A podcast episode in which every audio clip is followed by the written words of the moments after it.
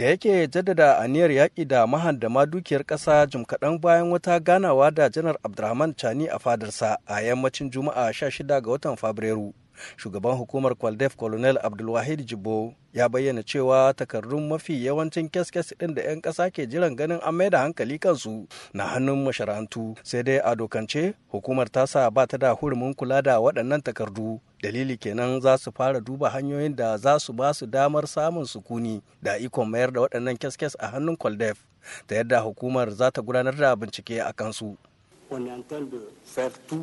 Pour prendre toutes les mesures légales pour pouvoir récupérer ces dossiers et les traiter. Waɗannan kalamai ba su yi wa ƙungiyar alƙalai ta saman daɗi ba, saboda haka ƙungiyar ta fitar da sanarwa don mayar da martani kan abin da ta kira yunkurin haɗa rikici a tsakanin ɓangaren zartarwa da na shari'a, kamar yadda za a ji daga bakin mai shari'a Musa Muhammadu, jigo a ƙungiyar Saman. Wannan magana ce wadda take idan aka aiwatar da ita tana ɗauke da haɗurra masu yawa dangance da abin da ya shahi ɓangaren shari'a kuma magana ce wadda take tana da haɗarin ta sa ɓangaren shari'a da ɓangaren zartarwa su ga lehin juna. Hasali ma wannan al'amari na kama da yunkurin shiga gonar mashara'anta a ƙasar da aka yi alwashin mutunta yarjejeniyoyin ƙasa da ƙasa a cewar Saman. Mai shari'a nani sule abubakar sidiku shine mataimakin babban sakataren ƙungiyar na ƙasa. rabawa tsakanin mulki wanda ake ce ma separation de pouvoir a cikin yanayi na demokarasiya ko kuma yanayi na mulkin doka shari'a ita kaɗai take da hurumin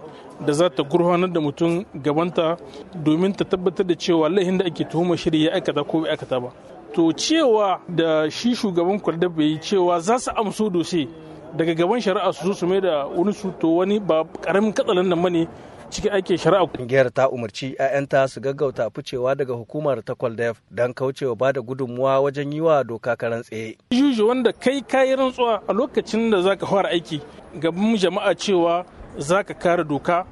to bata kamata ba a ce kuma an same ka cikin irin waɗannan abubuwa wanda za a zuwa a murɗe doka saboda haka ne muke kira gare su su abokan aikin namu wanda suke nan cikin kwaldab da su gaggauta yin marabus. Saboda bai dace ba a ce